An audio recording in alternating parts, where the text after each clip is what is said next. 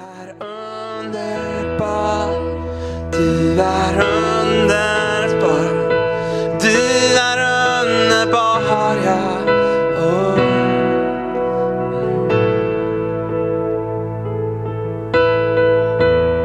Tack Jesus, vi bara välkomnar dig helige Ande. Tack att du är oberoende av tid och rum. Tack att du finns här just nu så starkt i, i den här stunden här men också hemma hos mina vänner. Jag bara ber Herre att det som distraherar just nu, det bara får vi stänga av olika saker som distraherar. Herre tack att den här stunden får vi ge till dig och du vill tala till oss. Herre öppna våra öron så vi hör, smörj våra ögon så vi ser. Gör våra hjärtan mjuka och formbara så vi kan ta emot eh, det du vill tala till oss idag. Tack att du hjälper mig att tala ditt ord idag. I Jesu Kristi namn. Amen, amen, amen. Sån glädje att prisa Gud och vara tillsammans inför hans ansikte. Och, eh, vi är ju mitt inne i en bönevecka just nu, eller veckor av bön och fasta här i församlingen. Och vi vill bara uppmuntra var och en att ta extra tid och avsätta tid för att vara tillsammans med Herren. Och idag vill jag prata lite grann om vad händer när vi söker Gud. Och på slutet här så kommer jag också att eh, nämna lite grann om det här med vaccinet och olika saker som rör covid. Det finns många frågor om det. Så det tar vi lite på slutet. Men först har vi det som är viktigast, vi går in i Guds ord tillsammans.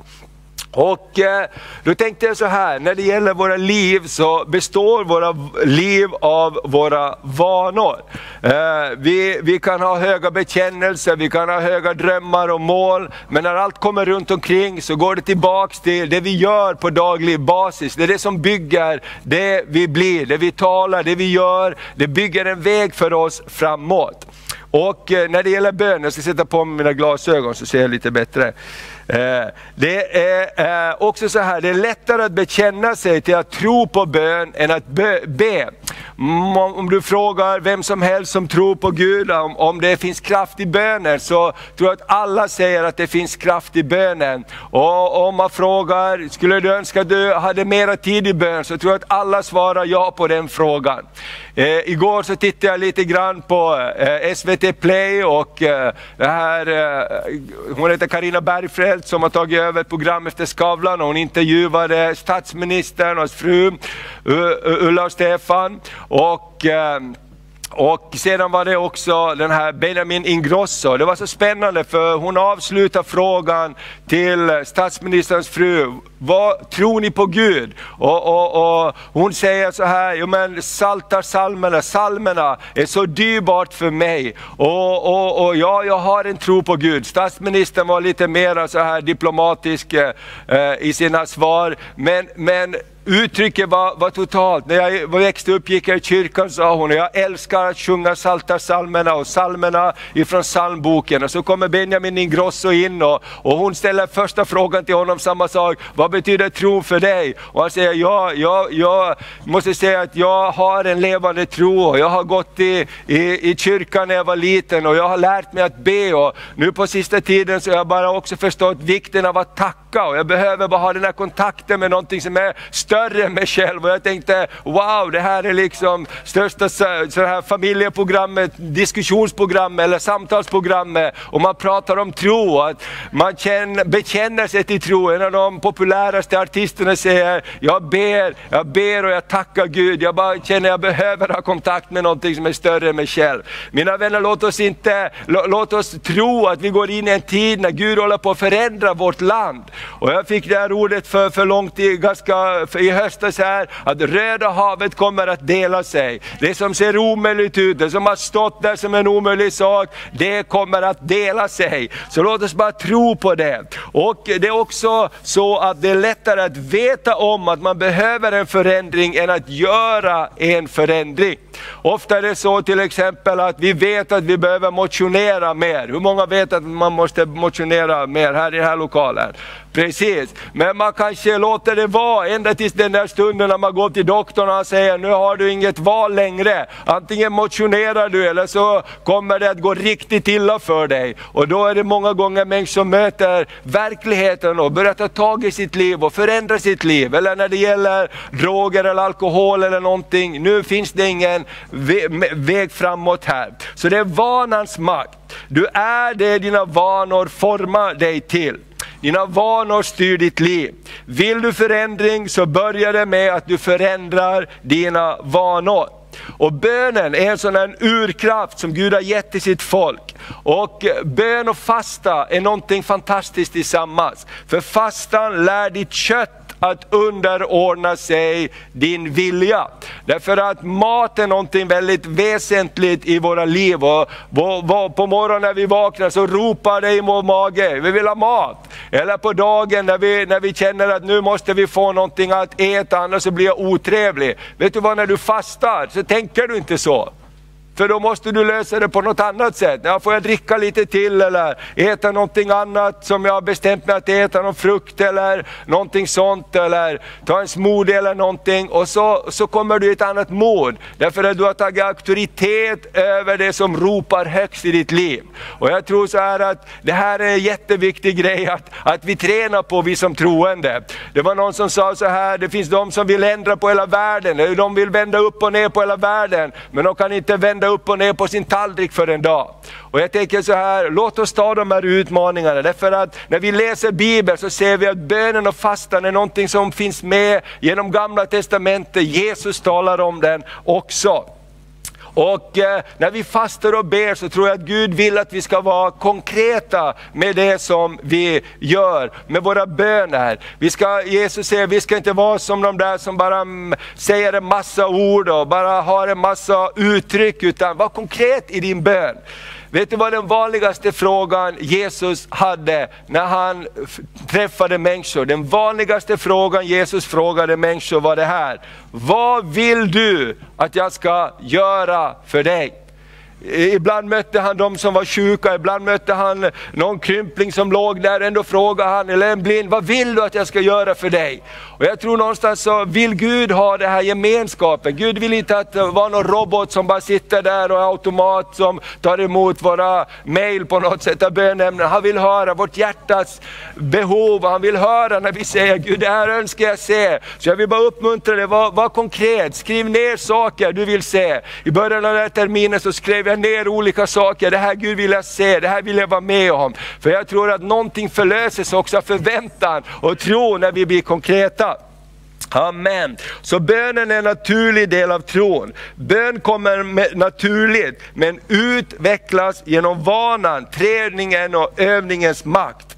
Uthålligheten kommer, känsligheten kommer, styrkan kommer. För någonting händer också när vi ber. Och det har varit så underbart de här kvällarna vi har haft här. Jag vill bara tacka alla lovsångare och alla förebedjare som har varit med varje kväll och du som har varit med där hemma. Ikväll så kör vi sista gången för den här perioden. Eh, vi kanske gör det igen vecka fyra några kvällar. Men vi har varit här och jag har sagt låt det vara ett flöde. Vi har sagt låt det vara ett flöde, låt det flöda mellan lovsången, bönen, tilltalen. För i den här miljön så känner man igen att lära sig höra Guds röst och Guds tilltal.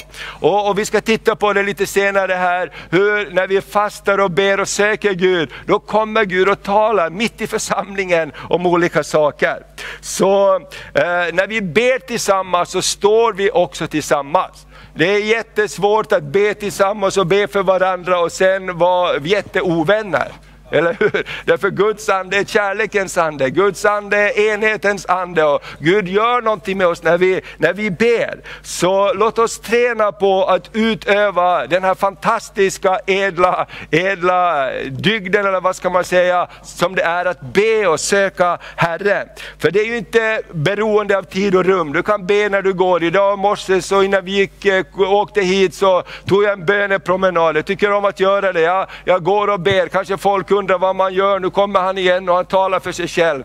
Det är ju tur att vi har de här tiderna nu, man kan, ingen vet ju om man talar i telefon eller jag har öronsnäcka, men jag går och shibaralabari, far jag ber, ber för den här dagen, ber för det som ska hända, ber för att du ska hjälpa mig, för alla som ska se det här och bli berörda. Och, och någonstans så lever man i, i, i en gemenskap med Gud och det är så fantastiskt. Så om man jag vill ta tre stycken punkter här, eh, hur Bibeln lär oss det här vikten av bön.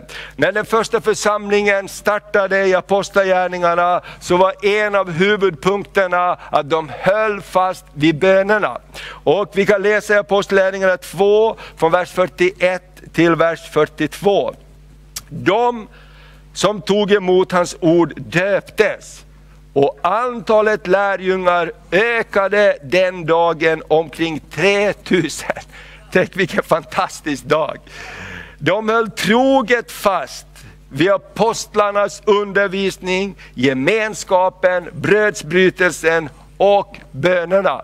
Det står att de höll troget fast vid någonting. Vet du vad det var? Det var en vana. Jag håller fast vid någonting. Och när saker och ting blir eh, ostadigt och det stormar och skakar runt omkring oss, då söker vi efter någonting att hålla fast vid, eller hur? Då går vi tillbaks till vår vana, då går vi tillbaks till det vi brukar göra. Då hoppar vi inte på någonting nytt. Och jag tänker så här, kung David är ett exempel på det. När han kom inför eh, kung Saul och han skulle gå strida mot eh, kung, eh, den här Goliat så säger Saul, ta på dig min vapenrustning för du måste ha riktiga grejer om du ska strida mot eh, den där jätten. Och då säger kung David så här, han var ju bara en liten pojke då, han var inte kung. Jag kan inte bära den här utrustningen. Låt mig göra det jag är van med. Jag är van med min slunga, jag är van med de här stenarna. Med dem har jag jagat lejon och björn. Så låt mig ta det jag är van med. Och han plockar fem släp släta stenar. Och jag tänker så här, när saker omkring händer, vad är vår vana? Vad går vi tillbaks till? Vad börjar vi lita på? Jo, det vi är vana med. Så låt bönen min vän bli en vana i ditt liv. Håll fast vid den.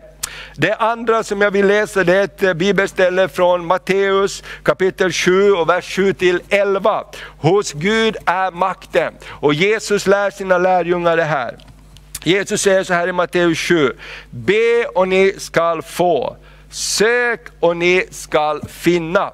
Bulta och dörren skall öppnas för er. Jag tycker det här är så bra. Be och ni ska få, sök och ni ska finna. För att, var, var, varför söker man när man inte hittar med samma? Det är ju ingen som söker någonting, om jag vet att telefonen ligger där, då tar jag den. Men om jag inte vet, hemma hos oss så har vi ett problem ibland, var är nyckeln till bilen? Någon har lånat bilen och någon har den i jackfickan, någon har satt den på ett bord, någon har satt den i lådan, någon har den i byxorna. Var är nyckeln? Man börjar söka. Du vet att när vi inte får bönesvar med samma, säger Jesus, fortsätt att söka. Så säger han, bulta och dörren ska öppnas för dig. Min vän, när bultar du på en dörr? Du är dum om du står och bultar, om det är helt tomt och mörkt i huset och du vet att ingen är hemma. Men vet du att någon är hemma? Vi har fem barn och under uppväxten så kan de vara brutala ibland för de vet att jag har glömt nyckeln men ni är hemma, ni kanske sover. Jag slänger sten på fönstren, snöbollar, jag bultar. Ni är hemma, kom igen, vakna! Eller hur? Och därför säger Gud Jesus så här, bulta och det ska öppnas. Sluta inte! Gör inte så här, jag knackar på en gång och ingenting hände. Det är inte det Jesus säger. Bulta och dörren ska öppnas. Amen. Så låt oss vara lite uthålliga i bönen. För var och en som ber, han får. Amen. Och den som söker, han finner. Och för den som bultar ska dörren öppnas. Vem av er, det här älskar jag också, vem av er ger sin son en sten när han ber om bröd? Eller en orm när han ber om fisk? Jesus säger, ingen klok människa gör ju så. Om ni nu som är onda förstår att ge goda gåvor till era barn, hur mycket mer? Kan du säga hur mycket mer? Ska då inte far i himlen ge det som är gott åt dem som ber honom? Min vän, Gud han är bara redo att förlösa, men han kopplar ihop det här. Hur mycket mer är inte min far i himlen redo att ge gott åt dem som ber? Amen. Så någonting finns där också, där Gud kallar oss till gemenskap. För jag, jag är bara helt övertygad om, Gud vill inte ha vår påtvingade kärlek. Gud vill inte att vi ska vara robotar. Ja, nu är klockan det, nu måste jag be, annars blir Gud arg. Gud säger, glöm det där.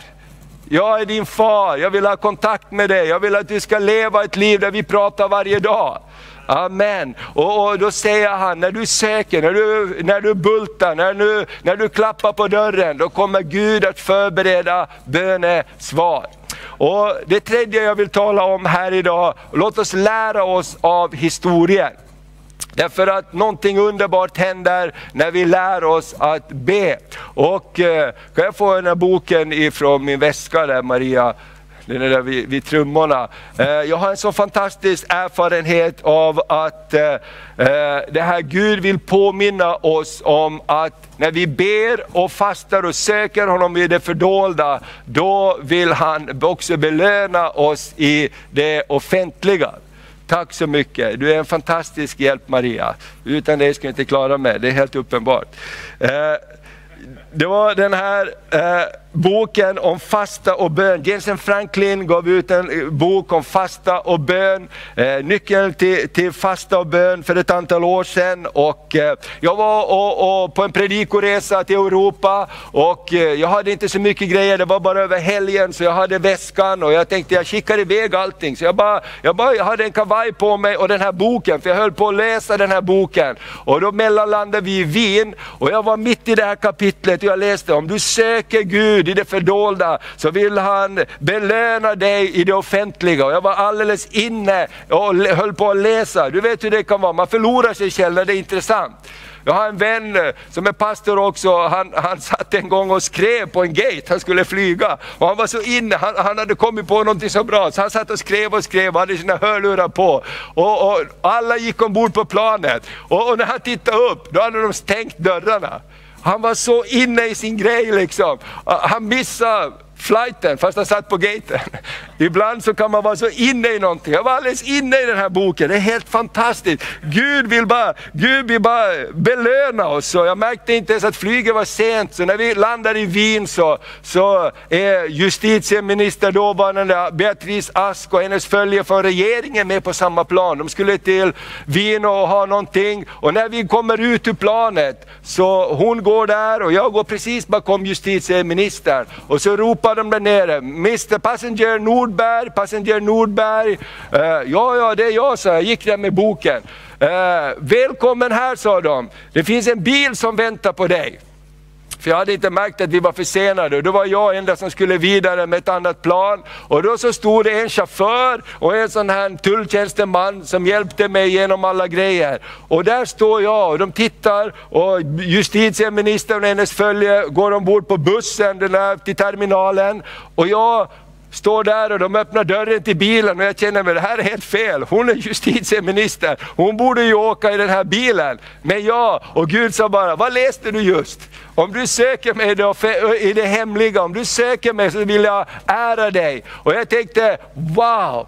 Jag kunde inte sluta läsa den här boken innan det var, det var klart. Och den här tulltjänstemannen körde mig till terminalen, gick vi förbi alla de här grejerna, så den här, han ska bara visa sitt pass här och gå vidare. Jag gick förbi alla i kön och jag tänkte så här, Gud du är helt fantastisk. Och, och, och det här hände mina vänner när vi ber. Jag tänkte så här när vi hade en situation i höstas här med våra förskolor, också en av våra förskoleavdelningar, på en plats vi har tre stycken, hade eh, lägre lägre och lägre antal. Och vi såg framtidsprognosen var inte jättebra. Vi funderade, hur ska vi göra? Ska vi behöva stänga en avdelning? Och då bara bestämde vi oss i ledningsgruppen att låt oss tro Gud om tio nya barn in i den här gruppen eh, till årsskiftet. Och vi började be varje gång vi samlades, så bad vi om de här tio. Och vet du vad? Nu när nya året har börjat så har vi fått tolv nya barn in i den här avdelningen. Och jag tänkte så här, det är helt övernaturligt omöjligt.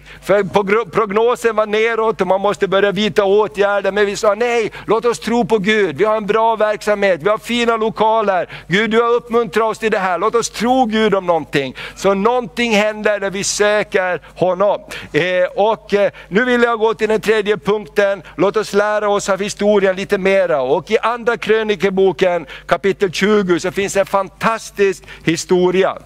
Och den här historien den handlar om Josafat som besegrar Moab och Ammon. Josafat han var en ung kung och han eh, var utmanad av allt som hände runt omkring honom. Och det står så här ifrån vers 1 till 3, eh, eller från vers 2. Man kom och berättade detta för Josafat och sa det, en stor skara kommer emot er från landet på andra sidan havet, från Aram och det är Hasson Tamar, det vill säga Engedi. Då greps Josafat av fruktan och beslöt sig för att rådfråga Herren och han utlyste en fasta över hela Juda.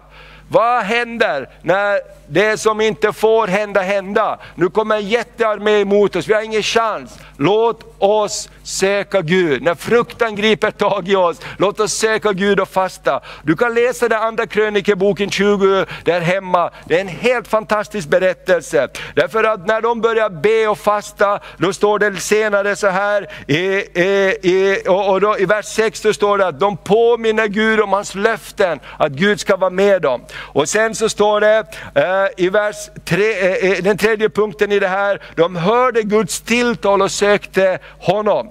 Det står så här att i vers 13, hela Juda stod inför Herren med sina små barn, sina hustrur och söner. Då kom Herrens ande mitt i församlingen över Jahasiel, son till Sakarja, son till Debenanja, son till Jigel, son till Matja, en levit av Asafs söner. Han sa, Lyssna ni alla av Juda och ni Jerusalems invånare. Så säger Herren, frukta inte, var inte förskräckta för denna stora skada, skara, ty striden är inte er utan Guds. Och vet du vad de fick för instruktioner? Nu ska ni få se vad Gud gör. Och sätt er i ordning och sätt lovsångarna fram. Det är bara så Gud gör. Gud säger lovsången är så viktig, för när ni börjar prisa mig, vet du vad som händer? Fienden börjar förgöra varandra. Och när de kommer lite senare i det här kapitlet och börjar titta ut över dalen, vad, står, vad ser de? Jo, fienden har alla förgjort varandra. Det som var en jättefruktan för dem, hade Gud vänt till en seger. Vet du vad, när vi börjar be, när vi börjar åkalla Herrens namn, då börjar Gud tala, då börjar vi höra Guds röst mitt i församlingen. Herren Herrens ande säger, gör så här, gå åt det här hållet, frukta inte för jag är med dig. Amen. Och någonting underbart hände, istället för nederlag så blev det seger. De fick ta byte, så här står det i, i, i vers 23 till vers 25.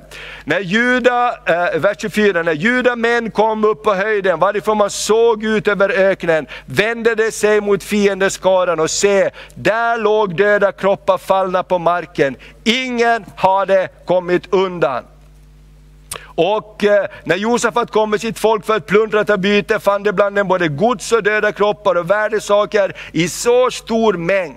De tog för sig så mycket att de inte ens kunde bära det. Och de fortsatte plundringen i tre dagar, ty bytet var så stort.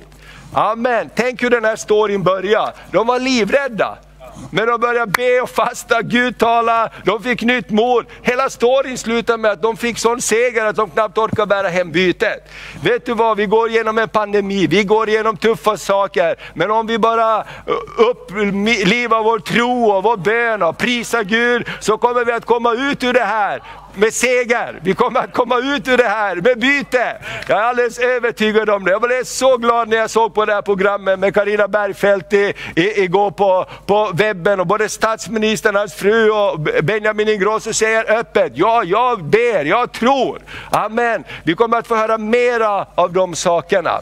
Amen. Så min vän, nu ska vi gå in och be och vi ska samtala lite mer om bön och bönesvar här också lite senare. Och sen ska jag säga något någonting också om det här med vaccinet. Så låt oss bara be. Gud är här, Guds heliga Ande är här. Gud verkar mitt ibland oss. I Jesu namn, och står du inför en omöjlig situation, om du inte vet varken ut eller in, kanske är det som Josafat, att fruktan har gripit tag i ditt hjärta. Gör så som man alltid har gjort. Låt oss be, låt oss söka Gud, låt oss hjälpas åt att prisa honom. Därför fruktan flyr när tron kommer in. Amen. Så jag bara ber himmelske Fader, jag bara tackar dig för att fruktan, fruktan flyr när tron kommer in. Fruktan flyr när tron kommer in. Halleluja, jag bara ber Fader att istället för klagan, istället för missnöje, istället för missmod, så klär du oss i lovsångens kläder. Du klär oss Herre och säger till oss, be så ska ni få, sök så ska ni finna, bulta ska dörren öppnas för er. Lova mig, prisa mig, så ska ni få se vad jag ska göra. Jag bara ber Fader, mer än någonsin över hela vårt land så ska Guds folk vara ett lovsjungande folk. Jag bara ber när fienderna har tänkt att nu är det bara slut med alla kyrkor, nu får de bara lägga ner. Herre du vänder det. Mer än någonsin så ser folk på gudstjänsten, mer än någonsin tar folk sitt personliga tro och vandring på allvar. Och jag ber att hemmen ska bli altare åt dig. Jag ber att lovsång ska höras i köken, jag ber att lovsång ska höras i bilarna. Jag ber att lovsång ska höras i, lovs, i hörlurarna på jobben Fader. Åh, jag bara prisar dig Herre, jag bara talar om att nya öppningar kommer. Jag ser nya dörrar öppnas över vårt land. Jag ser nya dörrar öppnas över vårt land. Jag ser dörrar som har varit stängda och öppnas. Jag ser nya möjligheter komma. Åh, vi vill bara tro på dig Herre. Åh, vi vill bara prisa dig. Vi vill bara prisa dig Herre. Amen, vi bara tackar dig. Låt oss bara prisa Gud där hemma. Åh, om du har suttit en stund nu, låt oss bara stå och prisa Gud.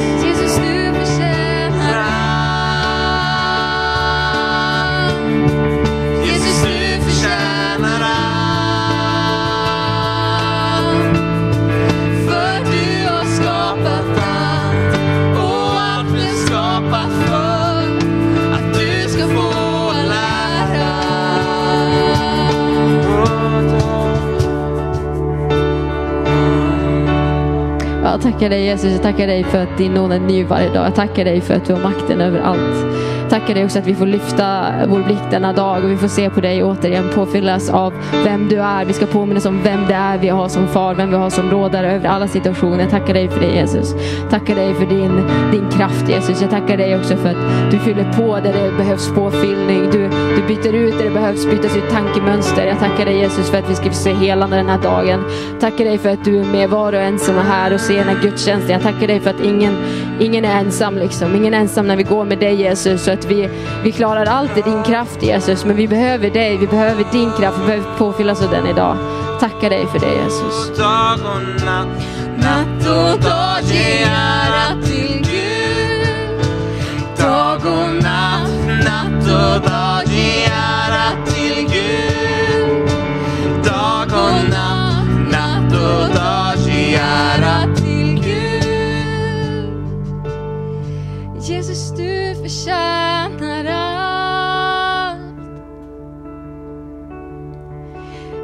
Jesus, du förtjänar allt.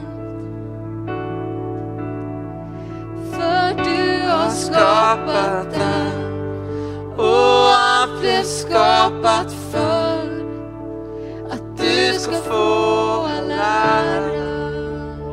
Underbart, så underbart. Jag hoppas att du upplever samma närvaro som vi gör här. Gud är bara så närvarande när vi vänder våra ansikten och söker honom. Nu ska vi få göra en annan sak. Vi ska få ge in i Guds rike.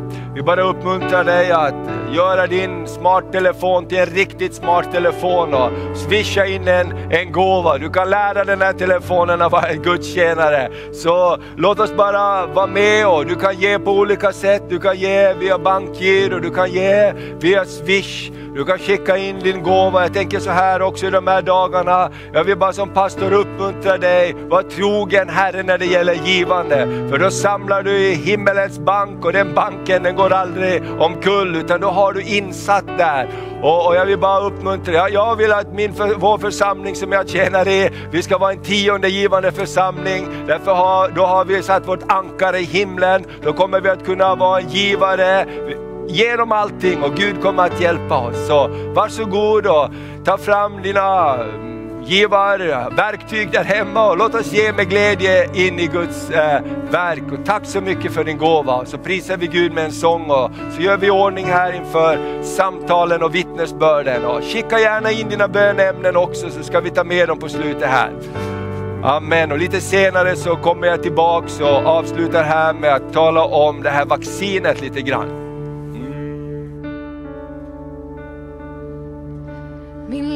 Längtan är att vara där du är. Stå tätt intill dig Jesus och känna det du gör, min Gud. Min längtan är att vara där du är och se det som du gör, min Gud.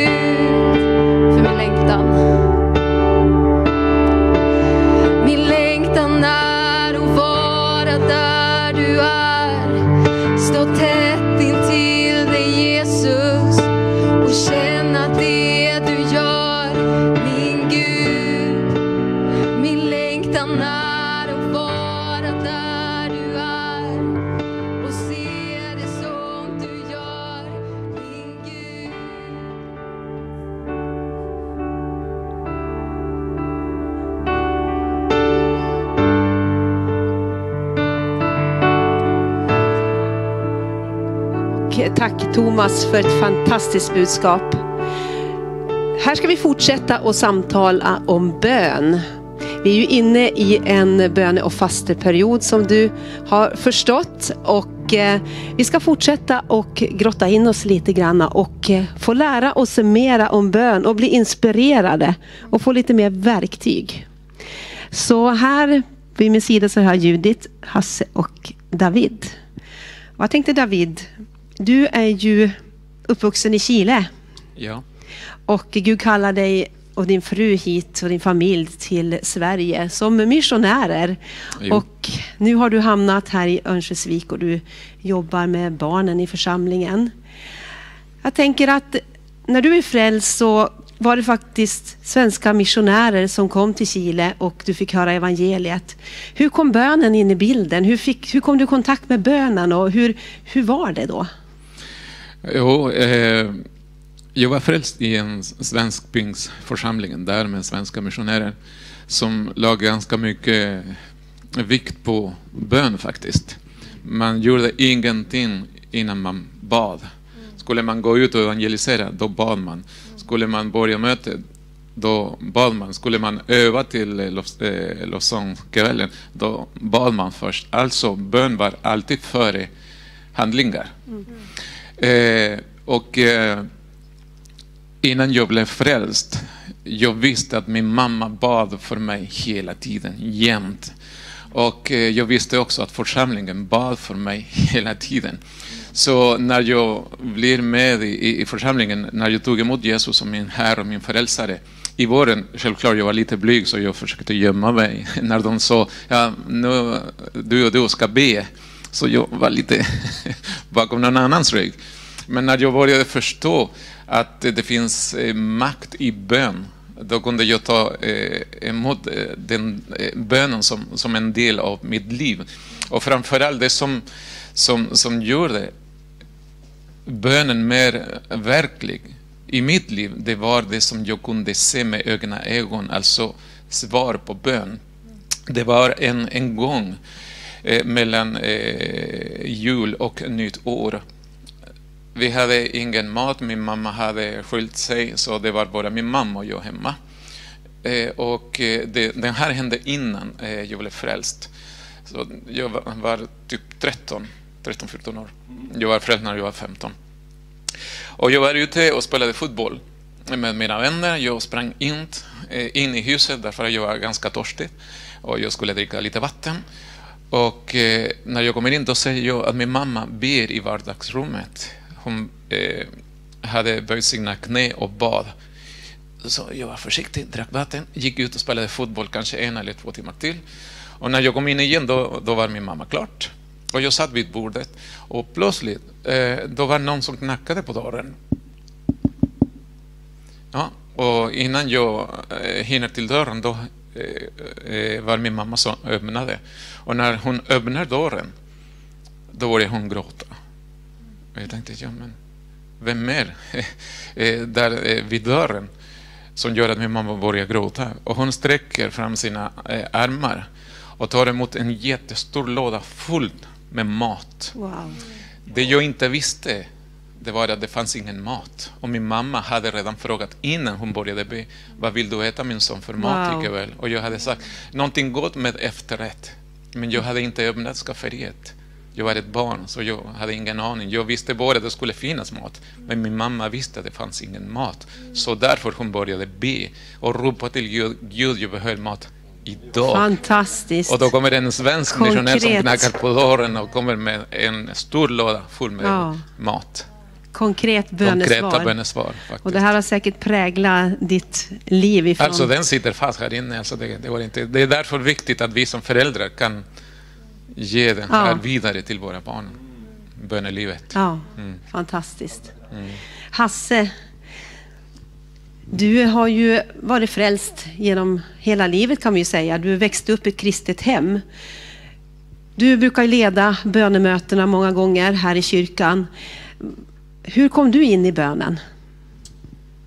Ja, jag kan säga så här att jag har nog gått mammas böneskola. För att jag har alltid varit med på bön. Jag kan säga att eh, sen jag var kanske fem år så har jag alltid följt mamma på bön. Det har liksom varit obligatoriskt. Och eh, efter åren så har jag ju fått mycket bönesvar som barn. Och det har ju präglat mig liksom att, jag för, att jag har förstått att bön, det är ju jätteviktigt. Det var som en eh, David sa, att man kan överföra någonting till sina barn. Och det är jätteviktigt. Så att eh, det är någonting som mamma har överfört, överfört i mitt liv. Och det är jag oerhört tacksam för. Så härligt att höra.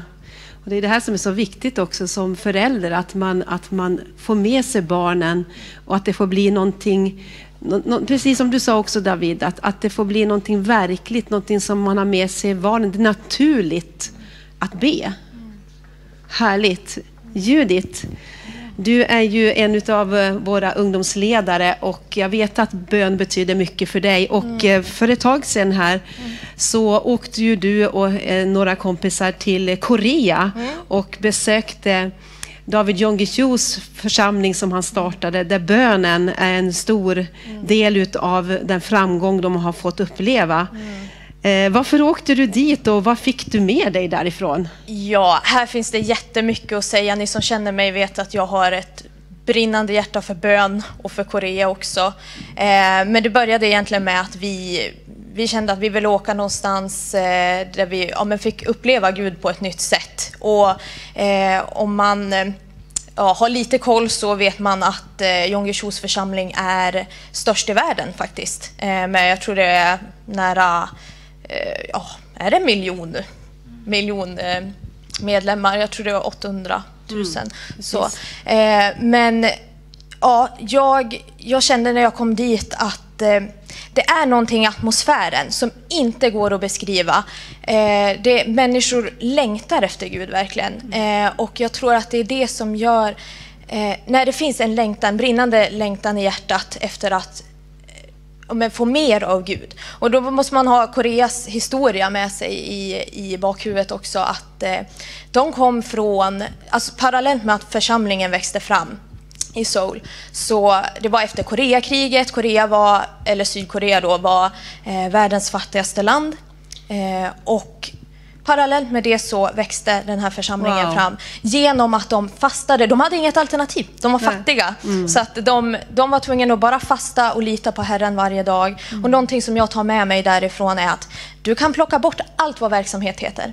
Du kan plocka bort allt arbete runt kyrkan. Du kan plocka bort hemgrupper, du kan plocka bort eh, eh, pastorer, predikanter, men plockar du bort bönen, allt kollapsar.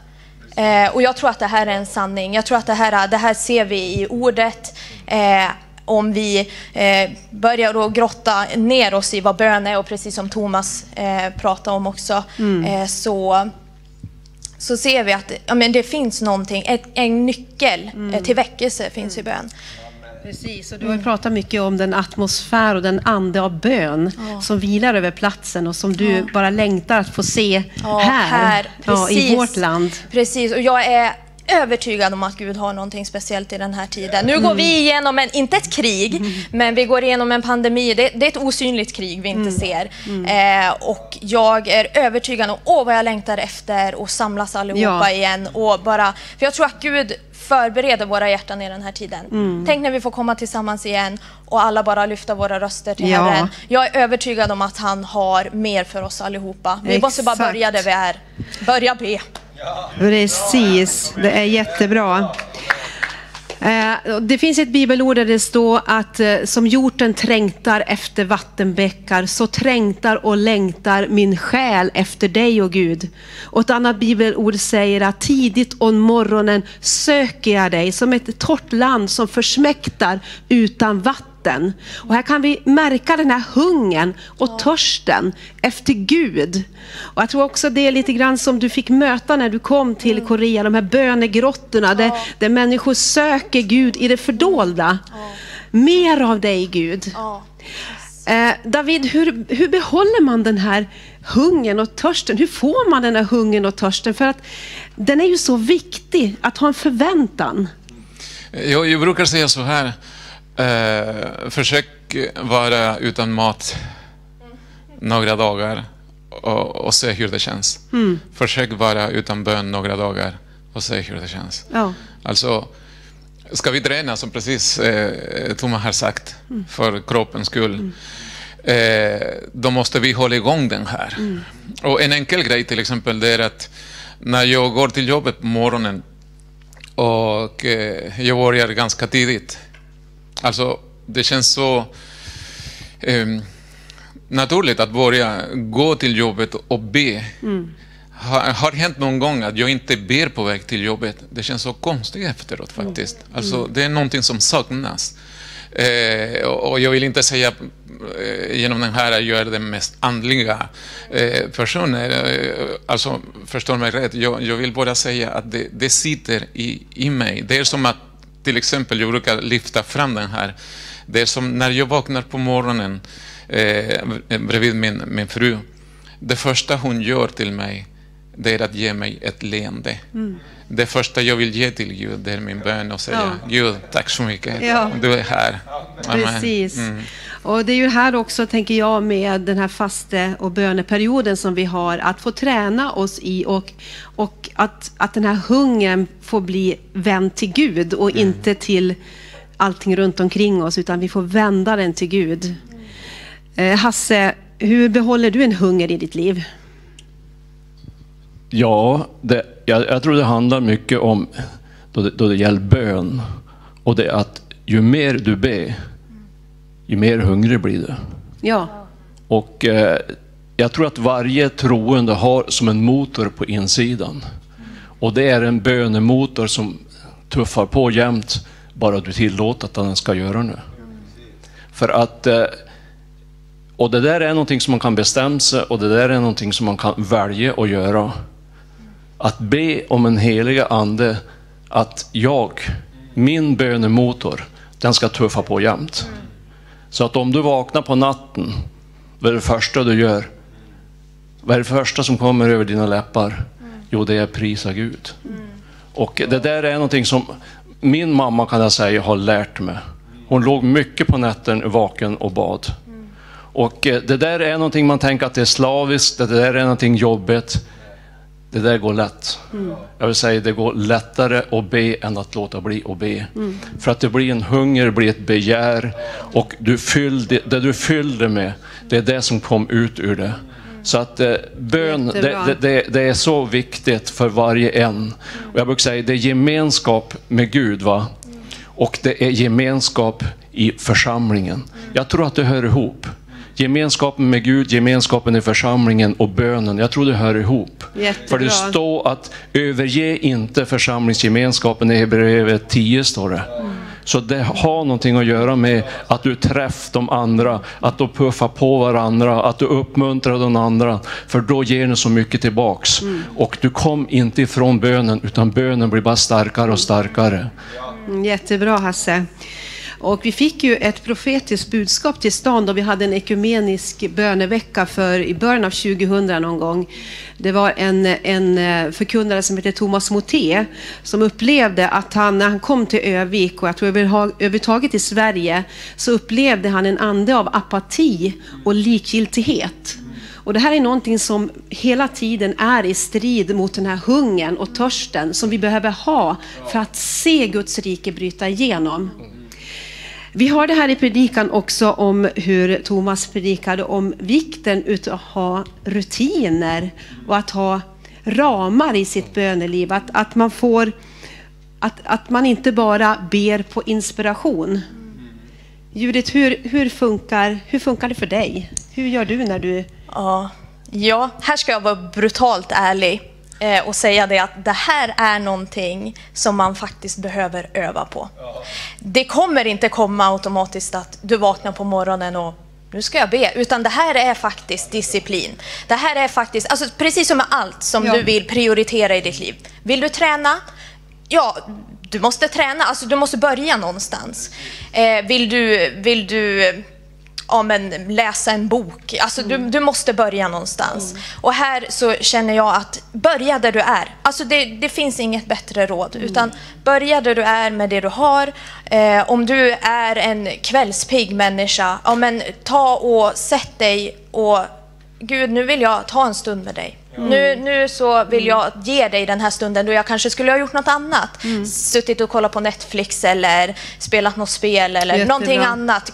Scrolla på Instagram. Ja. Du, du har den här tiden som du kan ge. Jag tänker det också, det är jätteviktigt. Och det är precis som i ett äktenskap. Jag tänker så här, tänk om man bara skulle ta tid när man har inspiration. Nej, ett äktenskap by- bygger man ju på att man får in rutiner, att man ser till att man regelbundet ber varandra om förlåtelse, man spenderar tid, tar egen tid tillsammans och bygger en relation. Och så är det också att bygga en relation med Herren. Vi ska gå in nu och ta tid och be tillsammans. Vi ska be för samlingens förbön och så har vi också fått in böneämnen som vi ska be för. Vi har en böneduk också. Så jag tänker Judith, du kan börja och så ber vi församlingens förbön. Ja, yes. ja, tack Jesus. Tack Jesus för den här tiden, tack för den här stunden Fader som vi får ha tillsammans med dig. Tack att vi får ge av det vi har just nu Herre. Bara överlåta våra hjärtan. Herre plocka bort allting som kan störa nu. Och Herre, jag bara ber och välsigna vår församling Fader, Kristi kropp. Jag bara ber och välsignar alla som tittar just nu Herre. Jag bara ber att du ska komma in i hemmen Jesus, att du bara ska bryta igenom Fader till den här dimensionen Jesus. Bara kom med din heliga Ande, svep med din heliga Ande Fader. Tack Jesus. Och Jesus jag bara ber också för våra skolor Herre. Jag ber för Broskolan, Hannaskolan, jag ber för våra förskolor Jesus. Jag bara ber att du ska välsigna arbetet runt det. Vi bara tackar dig också Fader för det här äh, bönesvaret vi fick med 12 nya barn Jesus. Tack att det ska fortsätta att flöda Fader. Vi får välkomna äh, barn och ungdomar in i en atmosfär Fader där du är verksam Herre. Tack Jesus. Halleluja. Tack Fader att vi får bara lyfta upp vårt missionsarbete Fader. Gud jag ber speciellt för Albanien idag Fader. Det är vårt missionsland Fader. Alla, alla skolor som finns där Fader. Alla församlingar som vi stöttar Fader. Varje pastor som vi understöder Fader. Gud vi ber om tillväxt i Albanien Fader. Gud jag ber om tillväxt i Albanien. Spe, ber speciellt för FIR just nu Fader. Gud vi ber för Walter Fader. Ber om tillväxt i hans församling Fader. Gud vi kallar på rätt arbetare in i hans arbete Fader som ska om, omge honom Fader. Gud vi bara prisar dig. Vi bara prisar dig. Tack för att vi ber för Georgien Fader. Gud vi ber för, för Elgoja Georgien Fader. Han bara kommer framför mig just nu Fader. Gud vi ber om styrka för honom Fader. Gud vi ber om hälsa och liv Fader. Hälsa och liv för honom Fader. Tack Fader för tillväxt för hans arbete. Vi ber om det i Jesu namn Fader. I Jesu namn namn Fader. Åh, vi bara ber dig för Israel Fader. Vi bara lyfter upp Israel Fader. Gud, vi bara välsignar Israel, beskydda alla gränser Fader. Vi önskar frid och ro över Jerusalem idag Fader. Gud, jag bara tackar dig för Sverige Fader. Tack för väckelse i Sverige. Tack för väckelse i Övik Fader. Tack Fader att du är på gång Fader. Tack att du är på tronen. Du manar gott Fader. Gud, vi bara prisar dig Jesus. I Jesu namn Fader. Sölörbasande.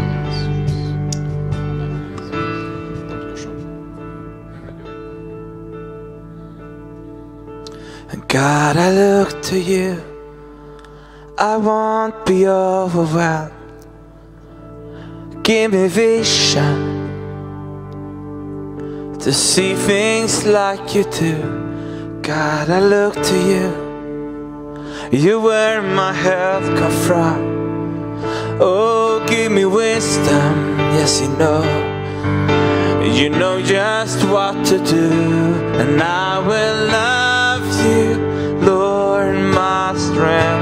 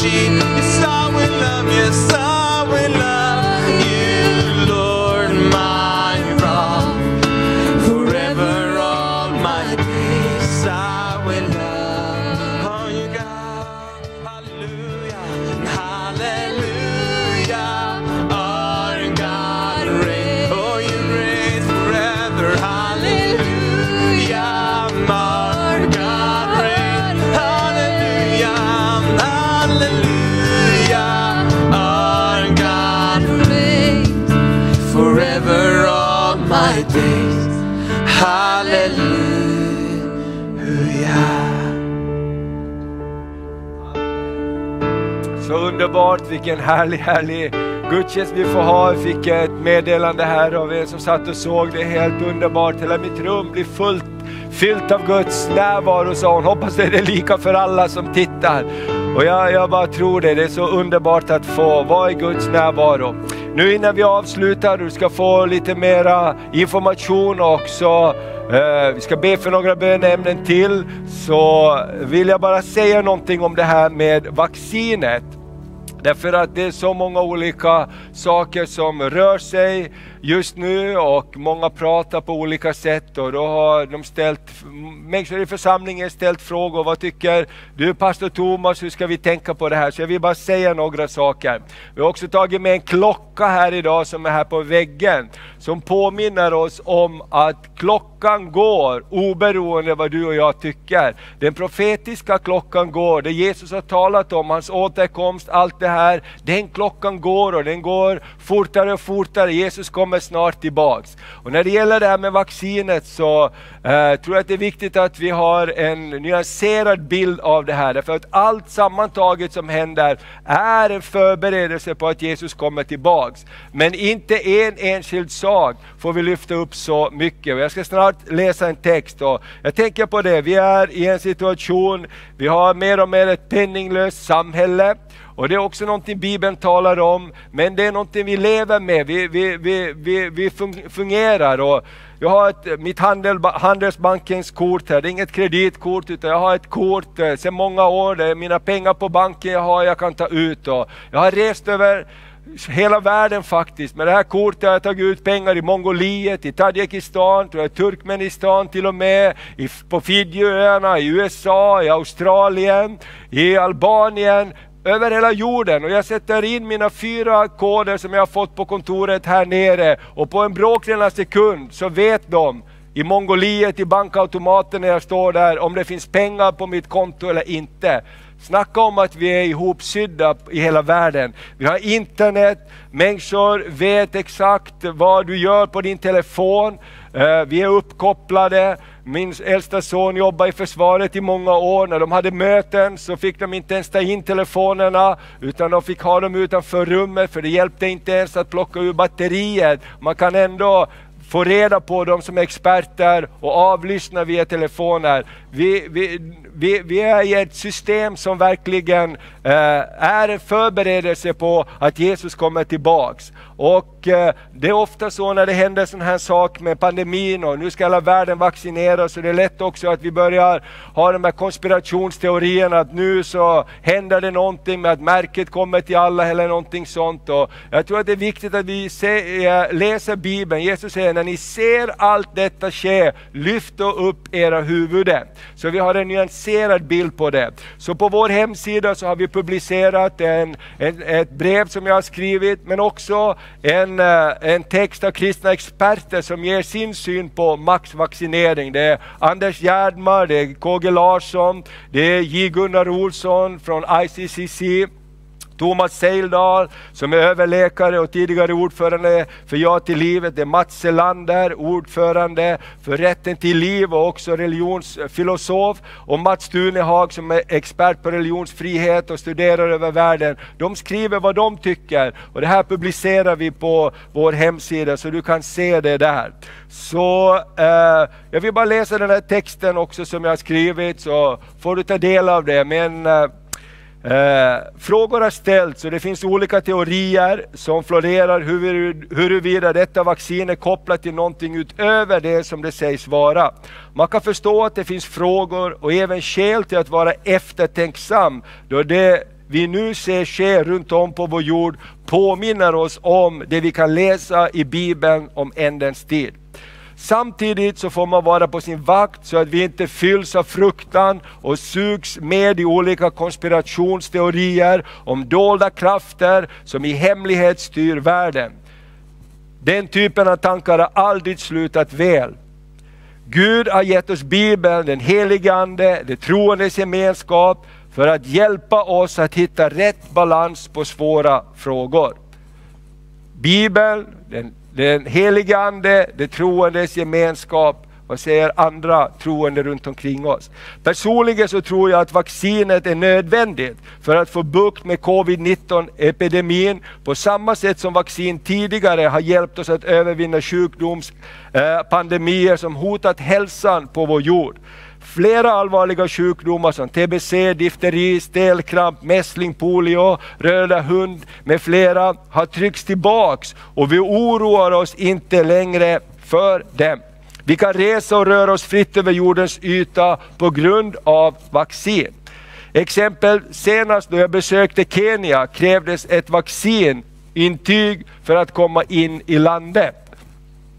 Speciellt för dig som arbetar i vården och omsorgen för att hjälpa andra eller är i en riskgrupp och behöver få vaccin för att kunna fungera och röra dig fritt i samhället är vaccinet nödvändigt att ta. Det går lätt att ha starka åsikter om hur andra ska göra då man själv inte är berörd och lider av konsekvenserna tror att vi behöver ha en ödmjuk inställning här och ge varandra frihet och göra det som man har frid över. Guds barn leds inte av fruktan utan av frid och tro. Jag kan lägga märke till genom åren att de som varnar för att vaccinera sig eller andra konspirationsteorier själva tacksamt tar emot läkarvård och medicin från de som har tagit vaccin. Denna paradox finns på flera olika områden.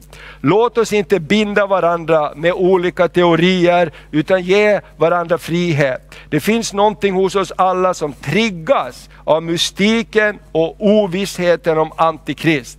Då jag var ung var, är, var folk en period livrädda för streckkoderna som kom i handeln. Du vet de här sträckorna som de blippar när du handlar. Man var övertygad om att det var en del av Antikrist märke. När internet kom var folk övertygade om, www det står för vilddjurets märke, använd inte internet.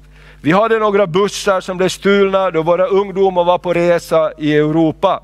Ganska snart så fick jag höra påstående att det var för att vi hade skrivit kyrkans webbadress på bussarna som de blev stulna. De hade blivit märkta med vilddjuret, därför stals de. Vänner, låt oss vara nyktra och vakna här. Du hör själv vad konstigt det kan bli om vi snurrar in på en enskild sak. Antikristande finns redan mitt ibland oss och försöker få vårt fokus bort ifrån Kristus. Läs gärna första Johannes kapitel 2. Där talar aposteln Johannes om antikrist och antikristande. Låt oss istället fokusera på Jesus och hans löften och fylla oss med tro, frid, glädje i den helige Ande. Amen. Jag vill därför uppmuntra var och en att följa sin övertygelse när det gäller att ta vaccin eller inte. Läs gärna artikeln från Världen idag, där olika andliga ledare och teologer ger sin syn på saken och vi publicerar den på vår hemsida. Själv kommer jag inte att ställa mig främst i kön för att ta vaccin, men jag kommer säkert att ta vaccinet för att kunna resa och predika och betjäna människor utan att riskera något för någon annan. Och jag säger, jag kommer inte att stå längst fram, jag tror det är så många andra som behöver vaccin för jag, men jag kommer inte heller att backa för det, för jag tror att behovet att få resa och predika och träffa människor för att betjäna dem med Kristus är så viktigt allt gott i tron på att, var, att vi ska segra detta onda i namnet som står över alla andra namn. Namnet Jesus. Amen. Så det här och hela den andra texten finns på vår hemsida, så titta där och läs gärna. Gud välsigne dig.